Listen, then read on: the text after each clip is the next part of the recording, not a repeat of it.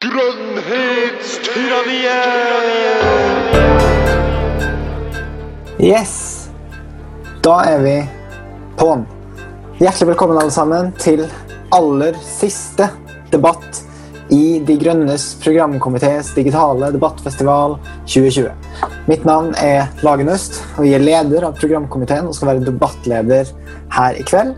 Og Den siste fire ukene så har vi hatt totalt sju debatter om ulike politiske tema, og dette her blir den åttende og siste. Og Anledningen er at fristen for å gi innspill til hva som bør forandres i førsteutkastet til nytt grønt partiprogram, er førstkommende mandag 14.9. klokka 23.59. Og etter det så må man eventuelt sende inn endringsforslag til MDGs landsmøte neste år.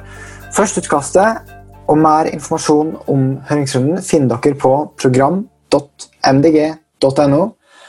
Uten mer om og men, la oss ta en nærmere kikk på kveldens tema. Det er lang tradisjon for å utfordre den tradisjonelle arbeidslinja og konvensjonelle økonomiske modeller i den grønne bevegelsen. Men hvordan bør egentlig en sånn utfordring fortone seg i et stortingsprogram i 2021? Bør vi fortsatt gå inn for å prøve ut en form for borgerlønn eller grunninntekt f.eks.? Med ambisjoner om at det kanskje kan utjevne sosiale forskjeller og kanskje til og med erstatte deler av Nav-systemet? Og bør vi være tydeligere enn vi er i førsteutkastet på nøyaktig hvor mye kortere arbeidstida bør være? Eller er det kanskje på tide å moderere oss litt på disse områdene, for slik å bli spiseligere for velgere som ikke har studiepoeng i økologisk økonomi, og som er tålelig fornøyd med arbeidsmengden eh, og velferdsstaten som den er? I denne debatten her så skal vi utforske litt nettopp hvordan den grønne velferdsstaten og vårt forhold til arbeidslinja bør være, og hvordan vi kommer oss dit. Og For å gjøre grovarbeidet så har vi fått med meg et eminent panel bestående av Knut Falk Kvikstad, som er medlem av programkomiteen og rådgiver på Stortinget for De grønne. Velkommen skal du være, Knut. Hei, takk for det. Og så har vi Anna Kvam, som er også medlem av programkomiteen, og som lytter av Grønnhetstyranniet vil eh, kjenne godt. Hei, Anna. Hei sann. Og så har vi fra det store utenfor holdt på å si utenforskapet, men fra, fra utenfor partiet Ingen ringere enn Sissel Skoghaug, som er nestleder i Fagforbundet. Velkommen skal du være, Sissel. Takk for det. Og Ove D. Jacobsen, som er professor i økologisk økonomi. Velkommen skal du være, Ove. Hei, hei. All right, la oss bare starte litt sånn overordna først. Og da tar vi en liten runde. Hvis du fikk bestemme, hvilke endringer hadde du gjort i den norske velferdsstaten for å gjøre den mer sosialt, økologisk og økonomisk bærekraftig. Og da har jeg starte med det, Sissel, for dette er, jo liksom, dette er det du jobber med. Hva ville du ha gjort hvis du skulle endra noe i velferdsstaten? Ja, jeg tenker eh, Vi har et trepartssamarbeid som må videreutvikles. Eh, for vi ser at eh, samarbeidet mellom de folkevalgte, administrasjonen, ledelsen, Eh, og de tillitsvalgte er helt avgjørende for å lykkes. Vi ser jo utfordringer med dagens regjering. Vi ser at vi må kjempe for de å beholde de opparbeida rettighetene. Vi ser at vi har lav organisasjonsgrad i enkelte bransjer, f.eks. i hotell og restaurant og i transportbransjen, som vi ser fører til mer sosial dumping, det er manglende sosiale bestemmelser, lav lønn. Og så har vi også et arbeidsliv med økende andel selvstendig næringsdrivende, heter det jo.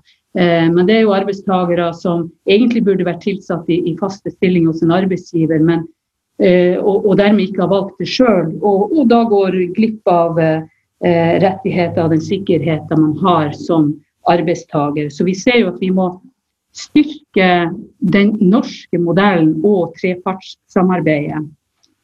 Eh, for vi tenker at det, det, er jo viktig å kjenne historien, både for å forstå nåtida, men også for å planlegge fremtida.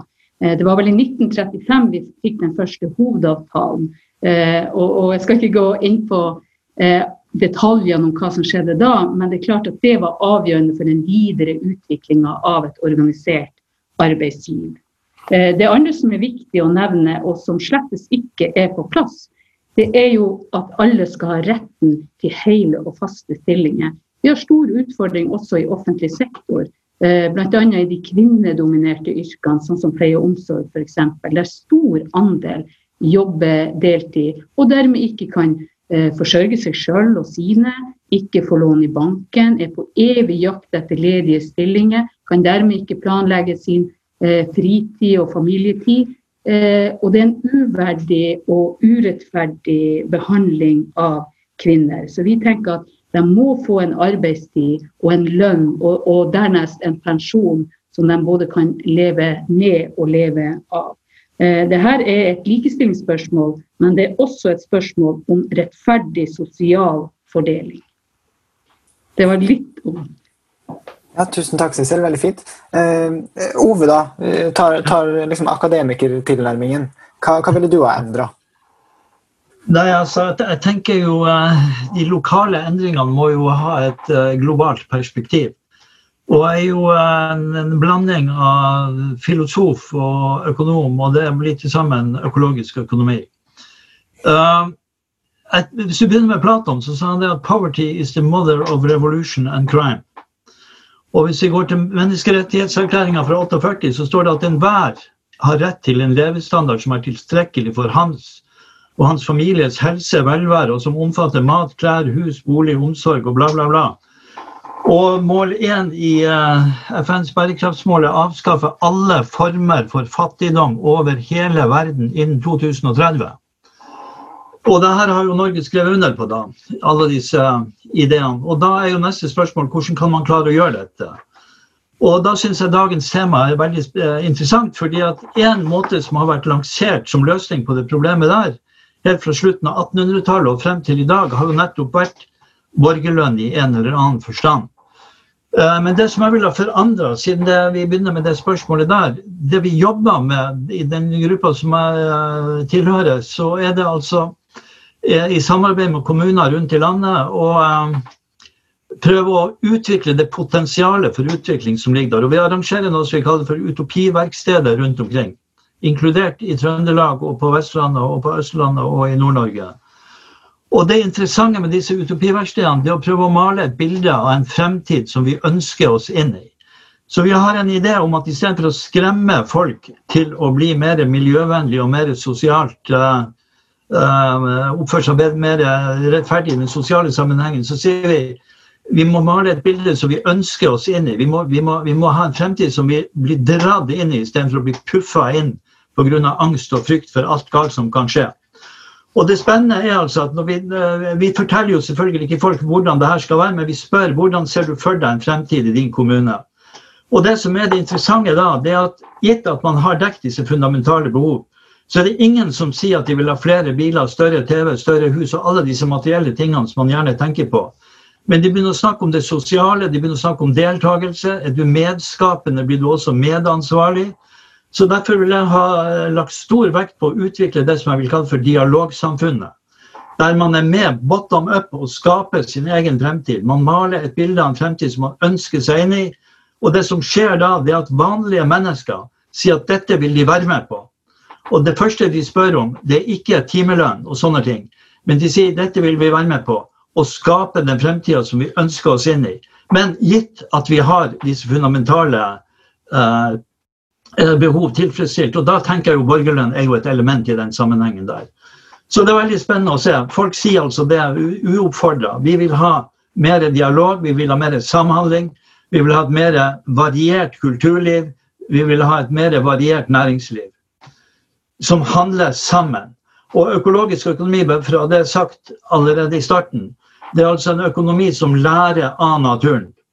Hvordan er det økosystemene fungerer for å skape alt det livet som er mulig, med veldig små ressurser mange steder. Mange økosystemer er jo veldig fattige, egentlig. Men det er et voldsomt liv. Og hvorfor klarer ikke vi det i menneskesamfunnet? Vi har altså en ressursbruk som er helt vanvittig. Og allikevel så har vi altså en verden der, eh, der fattigdom er dessverre det som preger veldig mange områder. Så det var det. Mer bottom up-initiativ. Utvikle det potensialet som ligger i hvert individ, i hvert lokalsamfunn. La det komme innenfra. Når du, ja, vi skal komme mye, mye mer tilbake til den ideen om, om borgerlønn rett etterpå. Men eh, Anna, når du hører Sissel og, og Ove her, eh, blir du inspirert til å gjøre noen endringer i velferdsstaten, du, eller? Sånn. Um, ja, altså uh, Ja. Ja er korte, ja er det korte svaret. Um, det litt lengre svaret er at jeg um, merker at det er veldig gøy i en sånn diskusjon som det her uh, å tenke høyt og langt, uh, og veldig langt fram i tid. Og, og både da med tanke på, på en måte, bekymringer for hvordan både økonomien og økologien skal se ut flere tiår fram i tid. Men, men, også med tanke på mer sånn hva skal man si, Eh, eh, oppløftende scenarioer, hvor vi ser for oss at vi f.eks. greier å skattlegge eh, multinasjonale selskaper mye bedre enn det vi gjør i dag, og dermed har mye flere penger å rutte med. Men det jeg har prøvd litt da, i forberedelsene til denne diskusjonen her, er å også tenke litt sånn på kort sikt. Hva, hva er det viktigste vi gjør eh, de neste par årene eh, for å gjøre velferdsstaten eh, mer rettferdig og mer sosialt bærekraftig, for å bruke et sånt ord. Hvis jeg skal starte der, så er det sånn helt konkret det aller viktigste jeg tror vi kan gjøre, er å sikre at de ytelsene som skal komme de som trenger det aller mest, til gode, ikke medfører den typen fremmedgjøring og stigma som jeg tror mange opplever i dag. Og det er mange ting som er med på å bidra eh, til det. Både at det, eh, det er veldig mange som sliter med å å finne fram i Nav-systemet, som sliter med å, eh, å få uh, oppfylt alle de vilkårene uh, og, og krysse av på alle de små boksene og levert all den dokumentasjonen som skal til for å få utløst rettigheter og ytelser man egentlig har krav på. Og Hvis vi skal starte med det som er aller mest prekært, tror jeg, så er det sosialstøtta. Den som virkelig skal gå til de som, som faller mellom veldig mange andre stoler i folketrygden. og som er preget av et enorm inngripen i, eh, i eh, privatøkonomien til de det gjelder. Og som jeg tror bidrar til eh, at man virkelig føler seg Hva skal man si Uten tillit da, fra, fra systemet. og der, hvis man skal tenke på, på en måte, hva en del av det man ønsker å oppnå med en borgerlønn, mer sånn på lang sikt, eh, så kan man oppnå noe, tror jeg, knytta til det som handler om å fjerne, eh, fjerne eh, stigma, f.eks. Eh, ved å, ved å reformere måten de betaler ut sosialstøtte på. Det kan vi komme nærmere inn på, på senere. Men på kort sikt så, så er, det, er, det, der jeg tenker at det er viktigst å, å gjøre noe. Eh, og så uh, på lengre sikt så tenker jeg altså I mitt hode så er det det å se for seg en framtid kanskje uh, 50 eller 60 eller 70 eller 80 eller 90 år fram i tid. Eh, hvor vi skattlegger eh, det arbeidet som ikke utføres av mennesker, eh, bedre. Slik at en del av de verdiene som i dag tilfaller svære, svære internasjonale selskaper, også tilfaller de statene hvor disse selskapene skaper verdier. At da å se på, på muligheter for å kunne um, få enda mer fritid, f.eks., er, er uh, en fin ting. Tusen takk, Anna. Knut, du har jo skrevet i førsteutkastet fra programkomiteens side så har du skrevet det kapitlet som handler om, om økonomi. Eh, hvilke liksom, vyer for velferdsstaten var det som informerte det arbeidet for din del? Um, ja, For å ta det litt, litt, sånn kjedelig først, så er jo den ene vyen at vi uh, går inn for et litt høyere skattenivå i neste stortingsperiode for å finansiere viktige oppgaver som fellesskapet skal løse. Og Det handler bl.a. om noen av de tingene Anna var inne på. At vi må, vi må f.eks. få opp sosialstøtten. Må, det er en del velferdsoppgaver som handler om de aller svakeste i samfunnet, som i dag løses på en altfor dårlig måte. Og det er også sånn at eh, mange grunnleggende velferdstjenester er strukket på kapasitet. Det tror jeg mange av medlemmene til Fagforbundet merker i hverdagen. Så det, det er et sånt helt grunnleggende svar, at eh, skattenivået må gå opp. Og da kan vi gå over til en litt sånn større form. Eh, som eh, handler om fordeling. Vi må fordele ressursene mer rettferdig i samfunnet vårt. De som har mye, må skatte mer. De som har lite, må, kan gjerne skatte litt mindre. Eh, enten inntekten kommer fra lønnsinntekt eller trygd eller pensjon, så kan de få beholde litt mer av pengene sine. Og det handler grunnleggende sett om noe av det Ove også var inne på, om at alle mennesker trenger en grunnleggende materiell trygghet for å leve gode liv. Enten uansett hvor i verden de bor, og vi må ha et program som svarer på den utfordringen både her i Norge, men også globalt. Uh, og for at Norge skal ta en rolle på begge de to områdene, så bør vi kombinere en sterkere velferdsstat, bedre fordelingspolitikk og redusert arbeidstid fremover. Og jeg tror at den beste metoden for å redusere arbeidstiden altså Det vil være forskjellig fra arbeidsplass til arbeidsplass. Eh, og hvordan det skal gjennomføres, må et, alle som ønsker å gjennomføre sånne typer endringer, må gjøre det i trepartssamarbeidet. Dette er ikke noe politikerne kan, kan, sitte og teoretisere over. Eh, vi kan teoretisere over det selv her, men når det skal gjennomføres, så må det være i tett samarbeid eh, med partene i arbeidslivet. Eh, men jeg tror at Og det er, ikke, det er ikke noe fasitsvar i programmet, og heller ikke i mitt hode på hvor fort det kan skje. Men jeg mener at det er et kinderegg, fordi det gjør at vi kan ta ut produktivitetsøkningen i økonomien i mer fritid istedenfor mer forbruk, for kloden tåler ikke det forbruket vårt. Vi kan ikke legge beslag på en enda større andel av verdens ressurser enn det vi gjør i dag. Og så gir det oss mer fritid. Det kan gi mange mennesker en bedre balanse mellom jobb og fritid i livet sitt. Det kan gjøre at man klarer å stå lenger i jobb, at man blir mindre utslitt, at det blir mindre sykefravær, og ikke minst at man får en bedre arbeidshverdag. Og så er det også sånn at kortere arbeidstid er potensial til å skape flere jobber fordi man deler på viktige arbeidsoppgaver i samfunnet. Så jeg syns at det er en av de viktigste reformene som eh, svarer på noen utfordringer som er her her og nå, samtidig som det er en del av en verdirevolusjon som samfunnet vårt må gjennom, hvor vi må rette blikket mot eh, andre verdier enn materialisme. Samtidig som vi ivaretar den materielle tryggheten og løfter de som har minst. Og så har jeg, Nå har jeg snakket litt lenge, kanskje, men jeg har lyst til å bare legge til at uh, jeg er helt enig med Sissel i at en sterk fagbevegelse uh, er helt avgjørende. Sterke faglige rettigheter, en arbeidsmiljølov som er solid, trygghet for faste stillinger. Det er en del av den materielle tryggheten som må være på plass for at vi skal kunne gjennomføre grønne reformer og samfunnet.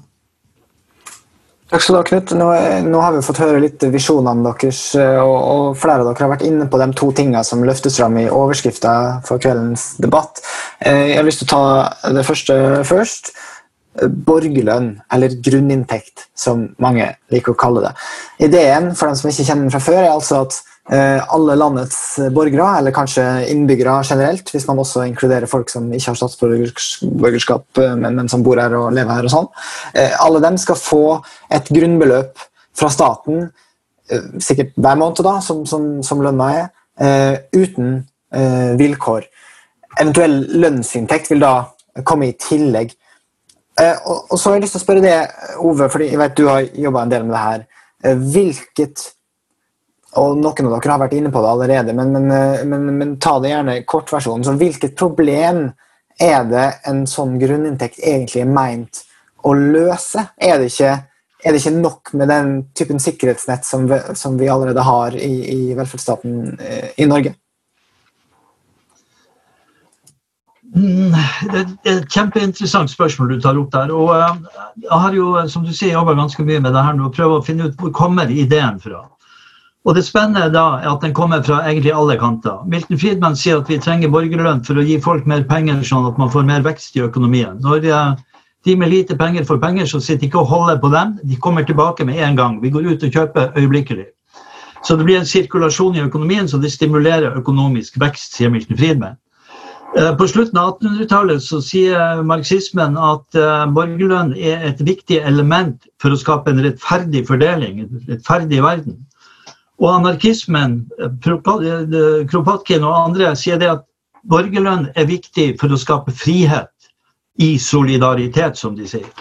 Så med andre ord, Alle har da den ideen om at grunnlønn er en god idé. Men så er jo spørsmålet hvorfor har ikke det skjedd? da? Det kan vi komme tilbake til etter hvert. Men jeg tenker at uh, det har med de tre tingene å gjøre. altså Den gode ideen bak uh, borgerlønn er at man får en trygghet, som du sier. Og alle studier der det har vært gjort forsøk med borgerlønn, det er jo ingen land som har gjort det i fullskala, men der de har gjort forsøk, så viser det seg at folk som får borgerlønn, de setter seg ikke ned i sofaen og slapper av og spiser potetgull og drikker cola. De blir mer aktive, de blir mer skapende. Det som er Problemet med Nav i dag, det er jo at du får ikke lov å arbeide. Altså Du får en, en pengesum, og så skal du ikke arbeide. Hvis du arbeider, så blir du trukket. Så vi har et helt motsatt system i dag. Borgerlønn skal stimulere til innsats. Og det viser seg at det, at det, gjør det. Og det andre er jo alle disse undersøkelsene som viser at i land der man har lik fordeling, så, så eh, vil også eh, livskvaliteten gå opp. Og det er det jo eh, mange studier som påviser, f.eks. den Wilkinson og Pickett fra 2012, den boka som heter 'Ulikhetens pris'. Der er det jo helt åpenbart at land som har lik fordeling, mest mulig lik fordeling, kommer bedre ut enn de som har store forskjeller. Det, fine der er jo at Norge kommer godt ut av. Vi er jo et av de land som da foreløpig eh, har eh, eh, forholdsvis små forskjeller sammenlignet med andre. Men samtidig så viser jo mange studier at etter 1980 med Thatcher og Reagan og den historien der, så har jo avstanden, the gap between rich and poor, det står jo i FNs bærekraftsmål, økt. Så dermed så mener jeg at borgerlønn er også et veldig viktig element i den sammenhengen. Og så syns jeg jo også at dette frihetsbegrepet er ganske, ganske, sentralt. Altså det at man gjennom å ha en materiell trygghet bli, eh, får frihet til å, til, å, til å, utvikle andre sider i seg enn de som har med arbeid å gjøre. Og Der har, begynner jo min historie da med Thomas More fra 1516. Han som brukte ordet utopi første gang. Den boka heter 'Utopia'. Og I den boka sier han at vi må ha seks timers arbeidsdag det er altså litt over 500 år siden det forslaget kom på bordet. Nå har vi begynt å diskutere det i Norge. Men Thomas Moore sa ikke at vi skulle ha seks timers arbeidsdag for å fordele arbeidsoppgavene. Han sa at seks timers arbeidsdag er maks dersom vi skal utvikle menneskets kulturelle potensial individuelt og i fellesskap. Og når vi da vet at dette kulturelle potensialet er det som skaper en veldig viktig element i livskvalitet, kommer akkurat fra konferanse i Norsk norske Eh, kulturråds eh, konferanse i Fredrikstad i går og dagen før. Og Der er det jo dokumentert og fantastisk at i samfunn der man klarer å skape dette, utvikle dette kulturelle potensialet i alle mulige retninger, så har vi altså et kjempeviktig element i den fremtidige livskvalitet. Og ikke nok med det, hvis man tenker på den måten, så vil altså ressursbruken gå ned av seg sjøl. For da vil man ikke bruke all sin tid til uh, shopping, som det heter i dag den viktigste interesse til veldig mange, USA og andre steder, sikkert også i Norge, er nå begynt å bli dette å gå og kjøpe ting. Det har ingenting å si hva man kjøper, men at man gjør det.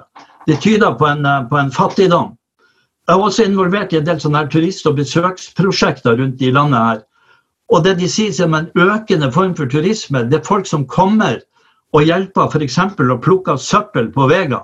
Det kommer folk fra utlandet til Norge for å plukke søppel. Og hvorfor gjør de det? Jo, for de sier de vil ha noe meningsfullt å gjøre. Det er jo superfint, men det sier jo også noe om hverdagen til disse folkene. At de må komme til Norge og plukke søppel for å finne mening. Vi har altså et kjempepotensial for å skape mening i hverdagen. Og jeg tror vi i Norge òg har et uh, utrolig uh, potensial der til å få fokuset litt bort fra dette med forbruk og over på en kvalitativ livskvalitetsutvikling der de sosiale og der de kulturelle får en mye større posisjon. Okay, så, så, så hvis, det er liksom inngangen til min interesse for borgerlønn. Ja, så Hvis jeg skal oppsummere altså det er liksom, og Borgerlønn er meint å en, gi en materiell trygghet i bunn for at man to skal kunne på en måte forfølge en slags uh, meningssøken og skape høyere livskvalitet i befolkningen. ikke sant? Ja. ja. Og også mer, ska, altså mer skapende evne. Man blir mer kreativ. Ikke bare innenfor kunstneriske kunstnæringer, men også innenfor alle næringer. viser det seg jo at du blir mer, du blir mer, Når du blir mer trygg på at du har et fundament, så blir du også mer innstilt på å eksperimentere og gjøre nye kreative ting. Kult. Sissel, jeg har lyst til å spørre deg. Når, når, du hører det her fra ditt perspektiv og, og med dine medlemmers interesser i, i, i mente, tenker du at, at det her er en type tiltak som som det er på en måte et, en etterspørsel etter blant, blant, norske arbeidstakere. Kanskje særlig altså mange, mange, som snakker om borgerlønn, foreslår det jo også som, et, som en erstatning for kanskje en, en, del av de andre velferdsordningene vi har. Eh, hvordan ville det gått igjen hos dere i, i Fagforbundet? Eh, Sissel? Ja, jeg kan si det at uh, Vi tror ikke på en type kont kontantstøtte som vi tenker at borgerlønn er. Altså, vi har i hele etterkrigstida jobba frem rettigheter og trygdeytelser som skal sikre de som, uh, som trenger det. På den andre sida ser vi helt klart at det er mange ting som bør og må forbedres i forhold til Nav-systemet. Mange bruker sin energi og tid på et system som ikke er tilpassa kanskje deres behov. Altså det går mye energi uh, tapt på det. Men for oss er det viktig at uh, for det første så mener vi at uh, den norske modellen, der partene i arbeidsliv forhandler frem lønn for arbeidstakere, den har stått seg godt. Så har vi òg frontfagsmodellen som gjør at vi viser moderasjon, sånn som i år f.eks. under oppgjøret, der, der konkurranseutsatt industri forhandler først, og så kommer de andre bransjene og, og næringen eh, i etterkant. Eh, der vi forholder oss eh, omtrent i samme ramme. Eh, vi tenker jo at det er en stor motsetning til at stortingspolitikere skal kunne bestemme lønna som, bestemme lønna som kan være en konsekvens av innføring av en borgerlønn. For vi tenker vi kan ikke være avhengig av hvem som sitter i regjering og hvordan Stortingets sammensetning er at vi tenker det vil få, kunne få direkte innvirkning på lønna vår. Um, og, og, vi tenker jo da at det er jo da å flytte mye av makta over fordeling av samfunns, samfunnet sine ressurser ut av arbeidslivet sine forhandlinger. Eh, og det er vi selvfølgelig eh, veldig skeptiske til. For vi mener jo i dag at vi har tariffavtalen og det partsregulerte lønnssystemet som Eh, som i, i sterkest grad bidrar til en jevnere økonomisk fordeling mellom folk. Og så handler det jo om eh, eh, ja, Skal man ha en borgerlønn da som er universell nok, basert på utbetalte beløp som er store nok til å leve av. Vi tenker at det ikke vil være finansielt bærekraftig. Så tenker vi òg at det dernest vil kunne undergrave statens evne til å opprettholde offentlige tjenester av høy kvalitet. Sånn som f.eks. det at vi har gratis skole, vi har gratis helsetjenester. Um, uh, så tenker vi òg at det vil jo kunne påvirke viljen til å betale skatt blant store grupper som skal finansiere det her. Uh, og, og, la meg ta ett eksempel. La oss nå si at, at alle, skal, alle, voksne skal kunne motta denne borgerlønna. Uh, og øh, bare ta et tenkt eksempel. La oss si at borgerlønna settes til 1G. Eh, det er ca. 100 000, rett over 100 000 kroner. Eh, da vil jo en industriarbeider f.eks. gjennomsnittlig industriarbeiderlønn, eh, da vil jo dermed lønna økes med 20 La oss si han da sitter igjen med 600 000 i lønn. Vil det føre til at prisene stiger tilsvarende 20 eh, Vil det føre altså til inflasjon? Eh, vil det tas igjen på den måten at det egentlig ikke allikevel eh, er tjent? Og vil det igjen påvirke lønna eh, til den industriarbeideren når han da får den borgerlønna i bunnen? Vi tenker også for de som kun da leve av borgerlønn. Eh, vil det da være sånn at 100 000 ikke er nok, så vil noen da kanskje velge, vil det være mer fristende å spe på med svart arbeid f.eks. Eh, og vil det også gjøre, hva vil det gjøre med det organiserte arbeidslivet? Vil det gjøre at flere sier at ja, men hvorfor skal jeg være organisert? Og vi vet jo at ved færre organiserte, som vi kan se i andre land, når færre organiserer seg, så svekker det jo krafta i fagbevegelsen og forringer dermed eh, tariffavtalene våre. Så vi tenker at det blir å resignere vi tenker at det kan føre til flere fattige. Vi kan se f.eks. til amerikanere eh, som har kanskje to fulle jobber og fortsatt er fattige. Klarer ikke å forsørge seg. Så vi er redd at eh, det ville ha ringvirkninger som vil eh, få store negative konsekvenser. Kanskje vil de fattige, fattige bli enda fattigere. Og også fordi at vil vi da kunne opprettholde et velferdstilbud som vi er så stolte av i Norge? Vil det si at, eh, at, staten ikke kan egentlig finansiere lenger, sånn at det blir opp til hver enkelt å kunne finansiere helsetjenester og skole osv. Så, videre. så vi er veldig skeptiske. Men si gjerne noe om eh, hva tenker dere? Skal det være et eh, Ser dere for dere et sånn tak, et skille? Skal alle kunne få? Eh, og der man lykkes, som jeg kjenner litt til, altså der jeg har hørt at, at i, i eh, land der man lykkes, så, så, kan det vel ikke helt sammenlignes med Norge, fordi at der har man ikke de velferdsgodene. Man har ikke den eh, sterke velferdsstaten. Eh, og eh, det er vel kanskje helst til nå brukt i land med stor andel veldig fattige. Det var mange legitime bekymringer der. Anna, du har tegna deg. Ja, um, spennende å høre på. Jeg, jeg, jeg deler jo mange av, av innvendingene uh, til Sissel. Jeg kan komme litt mer inn på det etterpå. Ik ikke alle, men en del av dem. Uh, men, men, det som, som eh, resonnementet ditt uh, viser veldig godt, er at en viktig ting tror jeg, når vi starter denne diskusjonen, er at vi er tydelige på, på hva vi snakker om. Fordi det er, veldig, altså det er veldig stor forskjell på det vi kan kalle full borgerlønn. Altså en borgerlønn som jeg da definerer som en inntekt til å leve av for alle borgere i et land. Og hvis man da skal si at en inntekt til å leve av er en inntekt som eh, ikke gjør at du verken er absolutt eller relativt fattig, så snakker vi da skal vi over og, og godt opp på en inntekt på, på, på over 230 000 i hvert fall, hvis man skal være over fattigdomsgrensa i Norge. Uh, og det, det, er full borgerlønn. Det er én type ting. Uh, og det er det nok veldig vanskelig å se for seg å innføre på noen annen måte enn enten å, å øke skattene voldsomt uh, eller kutte i eksisterende utgiftsposter. Og da er jo den største utgiftsposten den allerede eksisterende velferdsstaten. eller å gjøre begge deler, på en måte. Så det er liksom det. men vi kan jo også diskutere ulike typer former for delvis Eh, borgerlønn. Eh, og da er vi jo litt nede på sånn begreper og definisjoner. Hva, hva, er det da som er borgerlønn og ikke? Eh, en type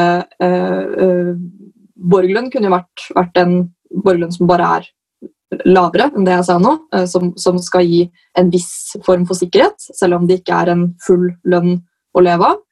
Um, men da kan man jo spørre seg hva det er ment, altså hvor store um, konsekvenser det vil få på statsbudsjettet, og hvilke eventuelle ordninger det vil kunne måtte, måtte stjele eh, penger fra.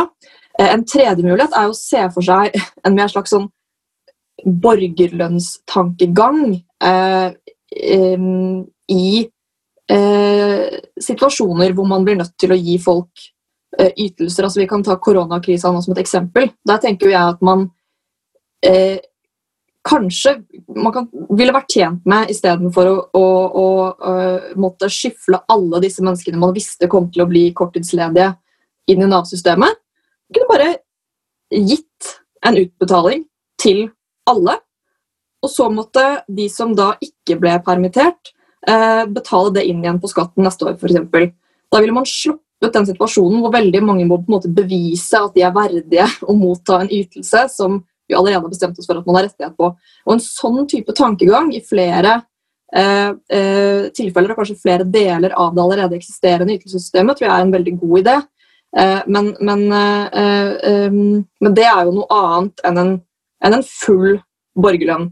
Eh, og Det tror jeg er viktig også både i programdiskusjonen vår og når vi diskuterer det ellers, at vi prøver å skille mellom de ulike tingene, for det er ganske ulike typer spørsmål og debatter, og reiser liksom ulike typer problemstillinger og konsekvenser både i et utgiftsperspektiv og også i et, i et livskvalitetsperspektiv for den, for den enkelte. Takk. Altså, Sissel, du, du, trekker frem noen bekymringer som vi også personlig har, har hatt. Og særlig det her med og det, her, det her spørsmålet går til dem i panelet som enten føler seg liksom, faglig kompetente til å svare, eller som bare har lyst. Eh, økonomiske ringvirkninger av en sånn type borgerlønnsmodell. Eh, nettopp det her med at vil ikke prisene bare liksom, øke tilsvarende, og, og liksom inflasjon, og at man bare justerer ned lønningene, eller et eller annet sånt. Hva er, hva er liksom svaret på det, eh, Anne? Det, altså det korte svaret er jo at det er veldig vanskelig å svare på det. Fordi at spørsmålet om altså, Full borgerlønn har jo ikke, så vidt meg bekjent, vært testa noe sted. Eh, men det er jo rimelig å anta at eh, hvis man hadde innført det, at eh, også den totale mengden arbeid utført ville gått noe ned. Altså at folk faktisk ville jobbet noe mindre. Eller, eller ikke eh, jobbet mindre, men tatt mindre lønnet arbeid. Da. At man ville brukt mer tid på, på, på annen type arbeid, enten frivillig arbeid eller arbeid i hjemmet. eller noe sånt noe.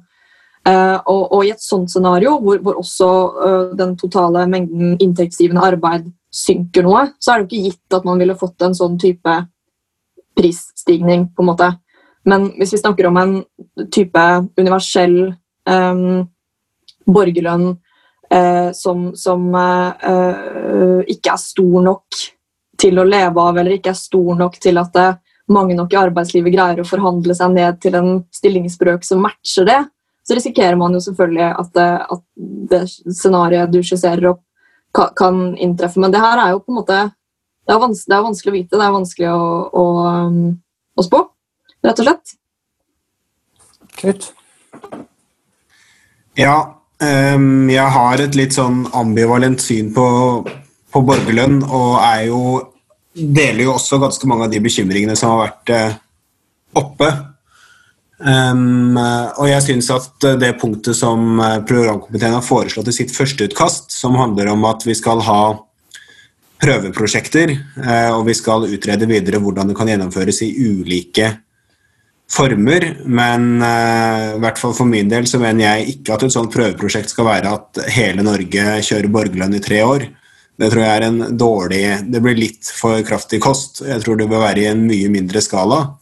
Uh, og at det nok Ja, det, det, vi skal ikke eksperimentere med det norske arbeidslivet og folks hverdag.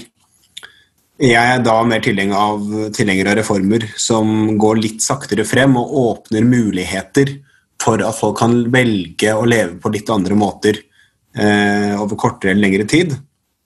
Og da tenker jeg at eh, vi har inne et forslag hvor vi f.eks. For eh, foreslår at eh, småbarnsforeldre skal kunne ta et år fri med inntekt som er lik minstepensjon, og så, og så heller ta litt kortere Eller heller få skrevet av det på pensjonen sin senere. Eh, det er én mulighet. En annen mulighet er et, eh, noe de prøvde seg på i Sverige for en del år siden. Hvor man kunne ta et friår med en viss inntekt hvis en, det var mulig å få noen andre til å ta den jobben i mellomtiden.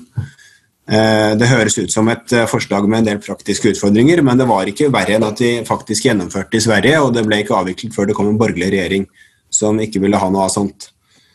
Jeg syns at sånne typer virkemidler er gode tiltak eh, for å gi muligheter for å, for å være kreativ, for å finne andre måter å leve på på kortere tid, eller i kortere perioder. Og så syns nok jeg selv at vi skal prioritere en reduksjon av arbeidstiden, der man samtidig ivaretar det trygge, sterke arbeidslivet vi har, og den tilhørigheten til arbeidsplassen som er veldig viktig for veldig mange mennesker. Eh, og så vil jeg ta inn ett argument til, og det er jo et sånt eh, strukturargument eh, egentlig mot borgerlønn, og det er at det vil jo bety at vi bruker veldig mye penger på folk som kanskje ikke nødvendigvis trenger det. Vi har en velferdsstat der vi trenger å prioritere pengene våre. Det er mange formål der det er behov for økt pengebruk. Og da kan borgerlønn være en måte å bruke penger på folk som egentlig ikke har behov for de pengene. Så Nå hørtes jeg veldig negativ ut eh, til borgerlønn, men eh, jeg, er, jeg, er, kanskje ikke så negativ, men jeg er litt kritisk. Takk skal du ha, Knut. Du, Ove, eh, når du hører alle disse Du har sikkert hørt disse motforestillingene før. men Du er jo litt sånn på en Urias-post når du skal ut og kjempe for en utopi eh, mot det bestående. Men eh, hva vil du, hva vil du svare til, til, disse bekymringene som har blitt løfta her? Jeg tror du må forresten unmute mikrofonen din. Ove, jeg tror du må, du må trykke på sånn mikrofonknapp. Sånn at eh, lyden din kommer tilbake. For jeg skrudde av mikrofonen så vi ikke skulle få bakgrunnsstøy i stad.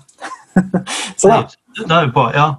For det første så er det jo veldig viktig å ta inn over seg de uh, argumentene som uh, blir lagt frem. Altså, en dialog består jo at man lytter og man respekterer alle synspunkter. Man prøver å få noe ut av dette her. Men samtidig så ser vi jo at i de dialogene vi arrangerer rundt omkring, så må man jo prøve å forfekte sitt argument så godt som man kan, samtidig som man lytter til andre. Så eh, Det er da den eh, tanken jeg har bak det her. Men når, når, jeg snakker om borgerlønn, så er det egentlig ikke borgerlønn isolert. Når vi snakker om borgerlønn, så er det en del av en større omlegging. Og det, det, som vi vet i dag, det er jo at pengene samles, ressursene samles på færre og færre hender. Vi har altså et økonomisk system som gjør at avstanden mellom fattig og rik øker innenfor land og mellom land. Vi har et, en økonomi som uh, fører til at vi er i en konstant konflikt med naturen. Vi har en masse andre problemer som er knytta til det økonomiske systemet vi har. Og uh, det, Hvis man skal klare å håndtere disse utfordringene, her, så må man tenke ganske nytt. Og for å, forholde holde oss til det nære og enkle altså Bodø har jo søkt og fått eh, status som europeisk kulturhovedstad i 2024. I den søknaden står det veldig mye om at vi skal eksperimentere med ulike former for økologisk økonomi i Bodø-regionen, Salten-området, hele Nordland. Og nå på mandag begynner vi det første møtet. og Det første møtet så har en, en, en funksjon oppi det der. og det første møtet jeg har, det er å prøve å samle bønder, fiskere som driver ikke med oppdrett, men med den lokale altså fisken i havet, i, i, i småskalaproduksjon. Potetbønder, andre bønder, de som videreforedler et lite ysteri, litt av hvert. Og prøve å skape mer liv i den lokale økonomien et nettverk av småbedrifter som arbeider sammen, inkludert turisme og andre ting. Altså et nettverk innenfor kommuner, mellom kommuner, som bygger opp en lokal produksjon basert på en lokal kultur som ser fremover. Altså man har en kulturell forankring, utvikler nye typer produkter som omsettes på et lokalt marked. Når man ser f.eks. på dette med klima, så utgjør jo transport av varer en ganske stor andel. Det at man kjører ting frem og tilbake England eksporterer akkurat like mye kjøtt som de importerer akkurat samme sort, fordi at det lønner seg. Altså Vi har et økonomisk system som gjør at helt meningsløse ting blir lønnsomme. Og det må vi gjøre noe med. Og for å gjøre noe med det, så må vi ha en mer desentralisert økonomi. Vi må ha en økonomi der man utnytter de lokale ressursene. Man skaper variasjon fordi at lokal kultur får mer innvirkning osv. Og, og, så og, og i dette samspillet her så vil altså det å ha en, en, en, en borgerlønn eller en, grunnlønn som ga trygghet, være en garanti for at disse eksperimentene lar seg gjennomføre. Eh, sånn at eh, det, det mange argumenterer for når det gjelder finansiering, det kommer jo sikkert senere inn i diskusjonen her, men det er jo bl.a. det at de som sitter med enorme Nå snakker ikke vi om de som har god lønn, men nå snakker vi om de som sitter på sinnssykt store formuer det samler seg opp penger rundt omkring på kloden på færre og færre hender. Disse ressursene burde ha vært satt, ut satt i sirkulasjon.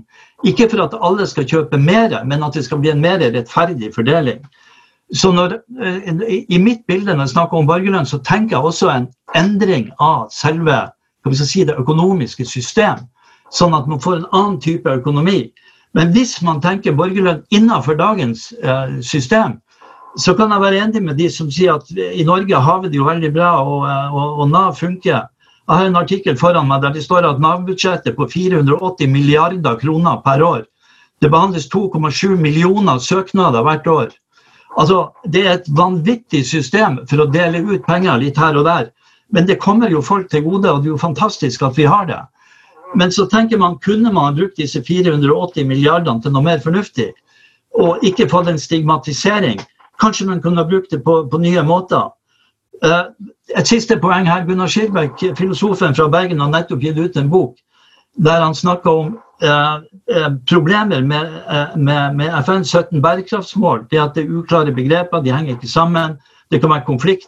Men det poenget som jeg vil ta opp her, er jo at i et fremtidssamfunn Hvis man hadde tenkt bort hele militærkomplekset Det er ikke nevnt i bærekraftsmålene overhodet. Og en bok som, som heter The Environmental Consequences of Militarism, som kom ut for et par år siden, basert på lekkasje fra Pentagon, den opererer altså med noen sånne summer og ressursbruk som er helt hinsides. Sånn at hvis disse tingene hadde blitt satt i sirkulasjon, så kunne vi ha skapt en verden der alle hadde hatt en materiell uh, levestandard som var tilfredsstillende og mer enn det for å skape et livskraftig livskvalitetssamfunn. Men Du snakker om ting som mange vil si om det der er jo helt urealistisk. Men problemet er bare det at den andre varianten, hvis vi ikke gjør noe med det, den er enda mer urealistisk. Da vil det gå galt.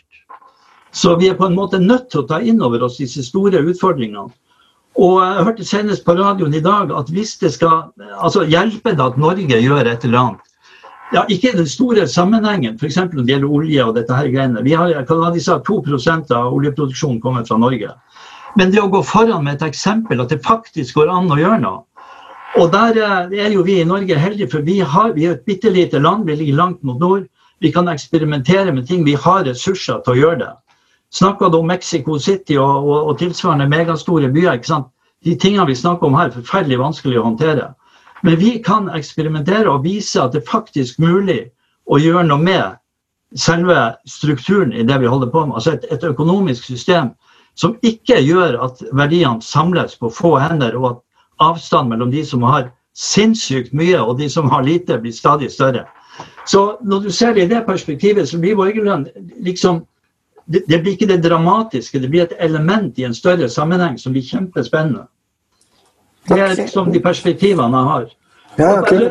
En absolutt siste ting, for de som er interessert i å se litt om det her, så har jeg jo i Pengevirke, altså tidsskriftet til Kultura, skrevet de 50 siste numrene om ulike alternative økonomer. 50 nummer på rad står det om én alternativ økonom i hvert eneste nummer. Og det er altså fritt åpent på nettet. Kultura.no. Og der er det mange som snakker om borgerlønn og problemer med det, og de mulighetene som ligger i det. The Great Transition er det mange som kaller det for. Vi står foran en stor endring. Og jeg syns jo de grønne burde være de som går foran med å si at vi vil være med på denne store endringa, og ikke liksom Eh, være litt forsiktig. Men, men jeg er samtidig klar over at det ikke sikkert det fører til flere stemmer på kort Så, uh, hvis, jeg, liksom sånn her, uh, hvis du kommer og er en liksom bekymra velger og lurer på om dette her skal gå, gå opp, og, og, og sånn, og så, så, er svaret bare ja, ja, men vi må forandre hele dritten. Så, ja, så blir man kanskje litt skremt. Jo, men vi skal, vi står foran det, og, det, er jo flere og flere rundt oss som ser det, og som arbeider med saken. Ja, det, er det. det er jo et digent globalt nettverk som arbeider med disse spørsmålene. Så det er jo ikke noe sånn soloarbeid for enkeltpersoner. Nei, nei, det er å være med på en stor bevegelse. Ja, Det har jo blitt mer og mer mainstream også. Til og med han eh, Andrew Yang, en av presidentkandidatene i USA nylig, han, han hadde jo det som sånn, sin eneste sak, at han skulle innføre en slags borger. Nå skal vi snart gå videre til å snakke om arbeidstid, men først skal vi høre fra Anna og så Knut. Anna.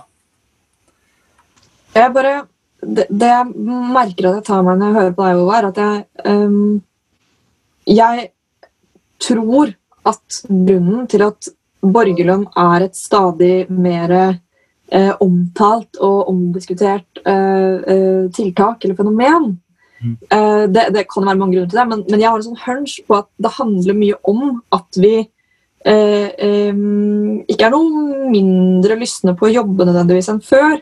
Men at vi jo observerer at det er veldig, altså stadig mer arbeid eh, som blir eh, eh, automatisert og digitalisert. Altså at, at eh, eh, teknologien og eh, maskiner gjør mer og mer jobb for oss. Det, den utviklingen har pågått i mange hundre år, men det er en del som tyder på at den går stadig raskere. Og at den kaller bekymringen for, eller erkjennelsen av, at Tenk om vi går en framtid i, i møte hvor denne utviklingen bare går fortere og fortere. og fortere. Eh, og, og eh, de som da sitter på disse teknologiene og maskinene tjener mer og mer penger, burde man ikke da egentlig organisere seg på, på en helt annen måte enn at folk skal gjøre unyttig arbeid? Eh, og, og, den høyttenkningen tror jeg det er viktig at man gjør. At man, at, og ikke minst snakker om hvordan vi i større grad enn vi får til i dag, skattlegger de som sitter på disse ressursene. Eh, men, men, den høyttenkninga er på en måte, det er én ting, og den tror jeg det er viktig at vi holder på med. Og den mener jeg at Miljøpartiet De Grønne skal ha en rolle i å holde på med. Men det er noe annet enn å diskutere hva vi skal gjøre med eh, den norske velferdsstaten, som det allerede er ganske god oppslutning om, og som er livsviktig for de aller fleste av oss som bor i dette landet, den neste stortingsperioden. I mitt hode er det to ganske sånn separate eh, diskusjoner, og det virker det så, som, som uh, Ove også et, et, stykke på vei er, er enig i.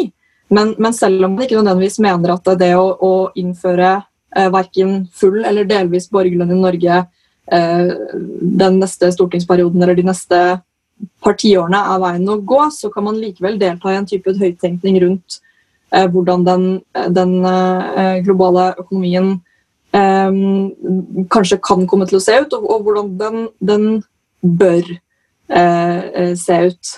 Um, så det, det, tror jeg er viktig å, å huske på. da. Jeg skal få en kort kommentar fra Knut også, så må vi gå videre til neste tema. Knut? Ja, eh, Anna oppsummerte egentlig en del av det jeg hadde lyst til å si. Eh, jeg er helt enig med veldig mange av Oves eh, de helhetlige grepene som han skisserer, om at man må stanse den eh, sentraliseringen av både penger og makt som pågår eh, globalt og nasjonalt, og også at vi må ha mer lokale økonomier. Ehm, eh, jeg tror at det er liksom noe av det kvalitativt bedre i, som er mulig å få til i fremtiden. At man ikke lever i en verden der alt bare blir sånne svære, sentraliserte multinasjonale selskaper som produserer alle produktene våre, og at vi bare blir brikker i den typen eh, storkapitalistiske systemer. Da. Eh, og Der er det mange virkemidler som eh, vi bør diskutere. Et av dem handler rett og slett om å prise energi mye høyere, sånn at det blir mye mer lønnsomt å kjøpe ting som er produsert lokalt. Så her er det mye kult. Men jeg tenker at det er betyr ikke nødvendigvis at, eh, at vi skal innføre borgerlønn. Men for å prøve å Men jeg syns vi skal teste det ut i liten skala i neste stortingsperiode, og kommer til å jobbe for det i at vi får med det i det endelige utkastet også. Kult. Det er tydelig at dette er en svær debatt som det er nyttig at vi, at vi, tar. Men jeg hadde også lyst til å komme litt mer inn på det her med arbeidstid eh, spesifikt. Eh, de Grønne har i mange år argumentert for noe à la slagordet 'jobb mindre, lev mer'. Og Det har vært ut fra en tanke om at kortere arbeidstid, vel å merke uten lønnskompensasjon, kan virke dempende på forbruket uten at det forringer livskvaliteten. Tanken her er at Folk skal liksom få mer tid til hverandre, at det skal være et gode til erstatning for en stadig lønnsvekst, sånn at man da kan dempe både eh, presset på naturen og øke livskvaliteten. Men i, i dette programutkastet så kan man hevde at språket vårt på dette feltet har blitt litt vagere. Vi sier ingenting om lønnskompensasjon. Bare at vi skal samarbeide med partene i arbeidslivet for å gjøre det lettere for folk å velge redusert arbeidstid, og at vi kanskje skal kjøre noen forsøksprosjekter i offentlig sektor, innføre ekstra ferieuke for utvalgte grupper og den type ting. Vi sier ingenting om hvor mange timer normalarbeidsdagen bør være på lenger. Eh, og så jeg har lyst til å spørre deg, Sissel, fordi dere, dere, i Fagforbundet dere har jo jobba for eh, kortere arbeidstid en stund. Uh, og dere er mer konkrete enn det vi er i dette utkastet. Så synes du det er Eh, fornuftig, eller er det dumt av oss å legge oss på en, det vi kunne kalt en mer moderat linje her? Burde vi bli mer eh, Du mener sikkert vi burde være mer enige med Fagforbundet, men, men la meg få høre. ja, det, det, her er jo en, en, debatt som har pågått i, i LO og i Fagforbundet i lang tid. Så er vi nok ikke enige innad i LO, men vi i Fagforbundet vi mener jo at eh, vi tror på eh, vi tror på eh, at det nå altså Vi mener det nå er på tide å gå for redusert arbeidstid. Og vi mener bl.a. at sekstimersdagen da vil være et viktig tiltak eh, for å gjøre det. Ehm, det ene er at vi eh, har, som jeg var inne på, vi har stor andel deltid. Vi tenker at det kan bidra til at flere deler på det arbeidet. Eh, det andre er at eh, i de kvinnedominerte yrkene, som er er krevende yrker. Sånn som innenfor oppvekst, men spesielt kanskje innenfor pleie og omsorg. Det er krevende yrker. Det vi ser, er at mange ikke makter å stå i fullt arbeid slik det er i dag. De blir, flere og flere blir ufør før de når særaldersgrense, også for de yrkene som har det, har det i de her kvinnedominerte yrkene. Vi tenker at det er helsefremmende å redusere arbeidstida, men vi er samtidig opptatt av at det er viktig med full lønnskompensasjon. Uh, og så er det kanskje slik at uh, Nå pågår det et arbeid i LO etter forrige kongress og vedtak vi fikk i kongressen. Så har vi jo en LO-kongress neste år, og vi har òg et eget landsmøte da.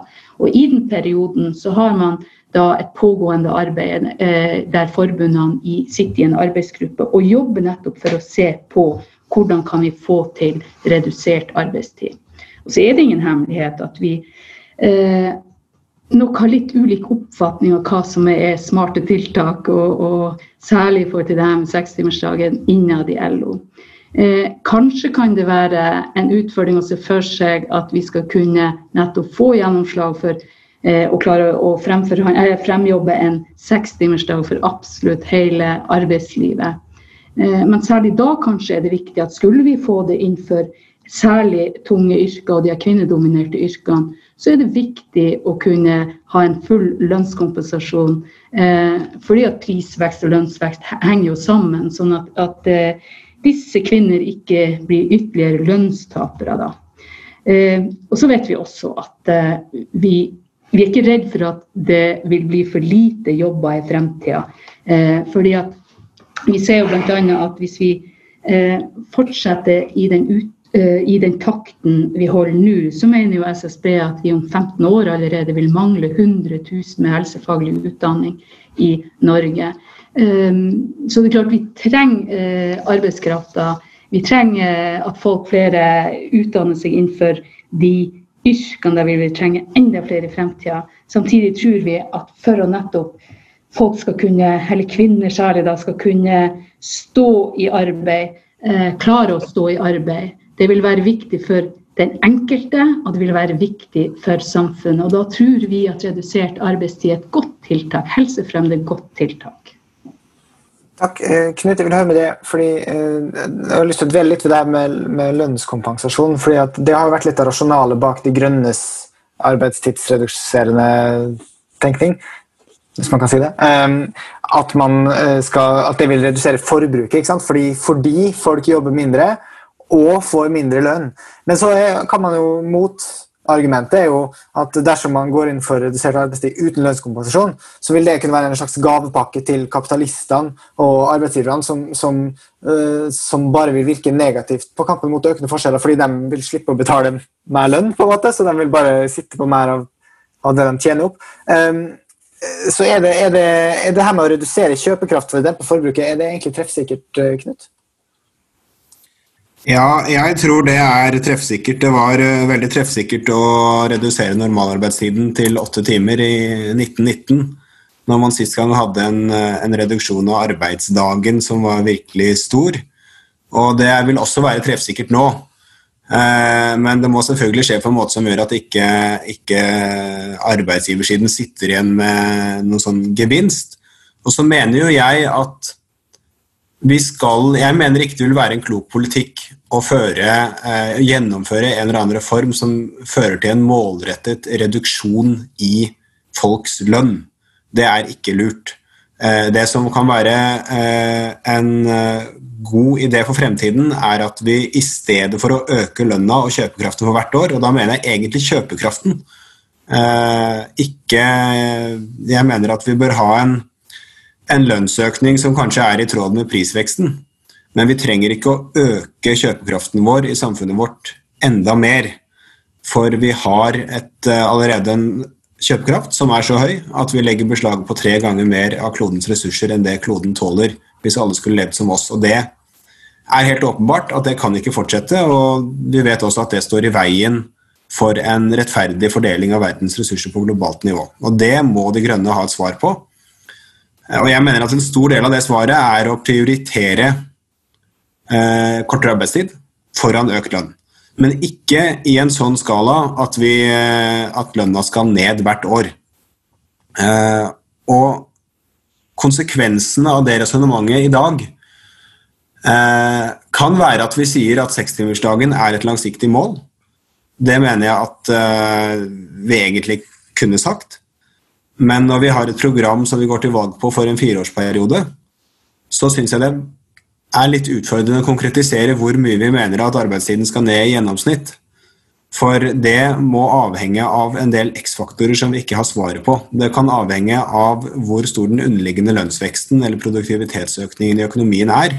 Hvis det hadde ligget an til veldig gode lønnsoppgjør på 3-4-5% i året, eller noe sånt, så hadde det vært en, en, enkel sak å si at ja, da har vi råd til å heller jobbe litt mindre, og så, og så får vi en stabil kjøpekraft i samfunnet. Men nå er det ikke sånne lønnsoppgjør. Lønnsoppgjørene ligger mye lavere. Eh, store deler av befolkningen har de siste fem årene ikke fått økt kjøpekraft i det hele tatt. Og det er et tankekors, syns jeg. Da kan ikke vi kjøre på og love at vi skal ned eh, flere timer i arbeidstid i løpet av det nærmeste tiåret. Det blir dessverre litt utopisk, eh, selv om jeg syns at det hadde vært bra. Og så skal jeg legge til at Eh, det er noen flere X-faktorer. Det er rett og slett hvor stor helsegevinst vil vi få av kortere arbeidstid. Hvis det er sånn at folk kan jobbe vesentlig lenger, stå lenger i jobb, hvis det blir vesentlig mindre sykefravær eh, og færre langtidssykemeldte og færre trygdede over tid, så vil det et eh, gi stor mulighet for å jobbe mindre, men vi vet ikke nøyaktig hvor store de gevinstene vil bli, så vi må ta det litt gradvis. Og vi må finne gode løsninger for å gå frem i riktig tempo. Men jeg syns at vi må være helt tydelige på at retningen er klar. Vi skal prioritere kortere arbeidstid foran økt lønn, men ikke på en måte som fører til lønnsnedgang i samfunnet. Og vi skal selvfølgelig fortsette å arbeide for likelønn osv. samtidig. Sissel, jeg har lyst til å spørre deg, Når du hører det Knut snakker om her, eh, og kanskje særlig den delen som handler om, om eh, redusert kjøpekraft fordi man også må redusere det materielle fotavtrykket, eh, hvordan, hvordan, responderer du på det? Og Tror du dine medlemmer, eller deres medlemmer kan være med på en sånn type utvikling i det hele tatt, Sissel?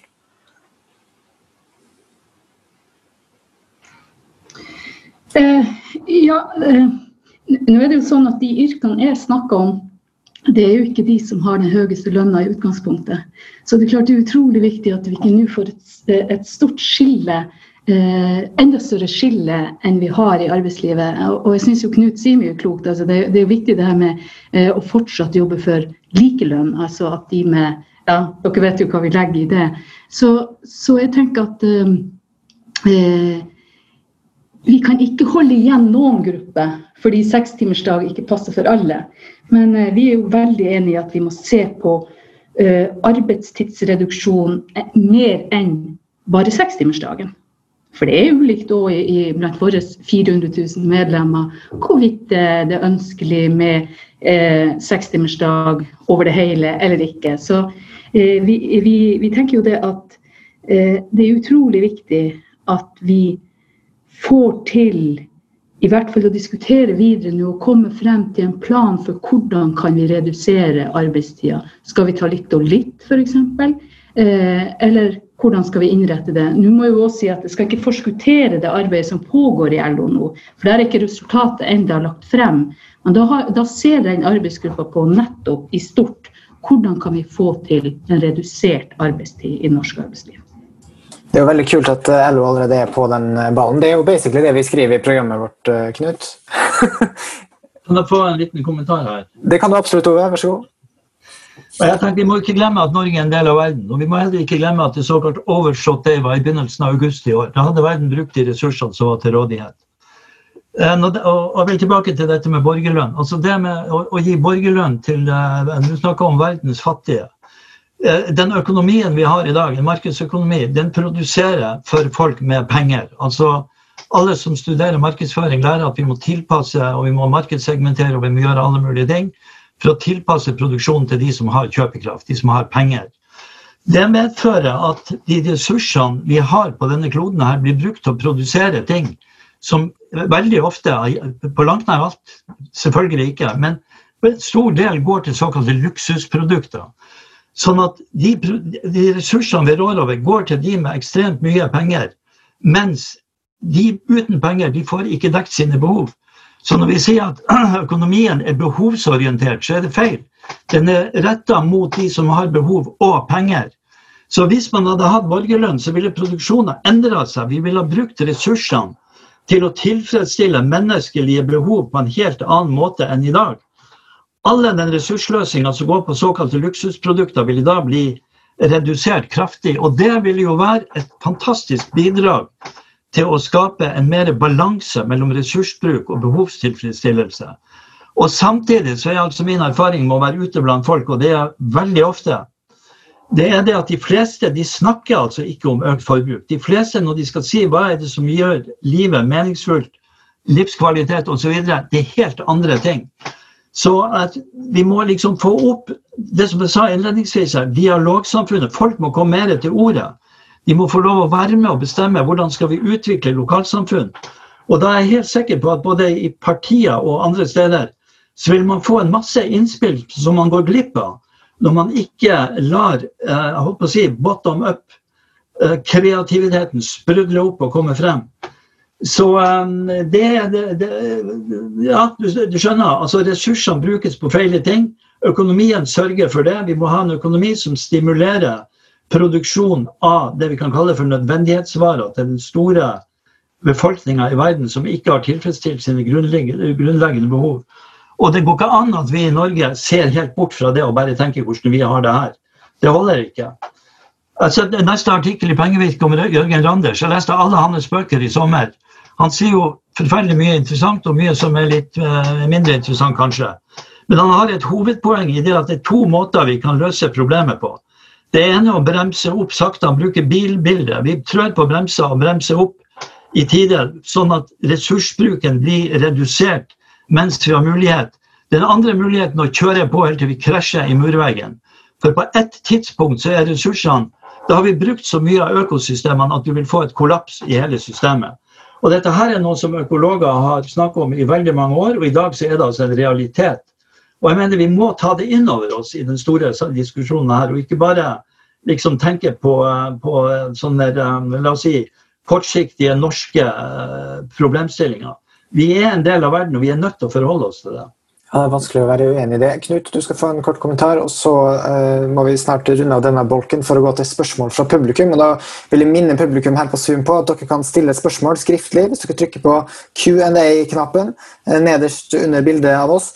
Uh, og skrive spørsmålene der, og så skal vi prøve å svare på så mange vi rekker før klokka blir halv ti. Men først, Knut, kort kommentar. Ja. Um Først så vil jeg jo understreke at eh, vi trenger innspill fra Fagforbundet og Sissel på eh, hvordan dette bør formuleres i programmet for å være godt, og om de formuleringene vi har der nå, er, treffer godt. For jeg mener jo at eh, vi skal eh, Vi må lytte bredt på hva det er folk ønsker seg i neste stortingsperiode av denne typen reformer. Og vi skal lytte til, eh, som Ove sier, eh, til alle. Men jeg synes også det er, ganske, det, er, det er, veldig relevant å lytte til eh, Fagforbundet sine 370 000 medlemmer eller noe sånt. Eh, når vi skal lage den, lage den politikken. Eh, så det, det, er bare en sånn tydelig henstilling om at her trenger vi innspill. Og flest mulig.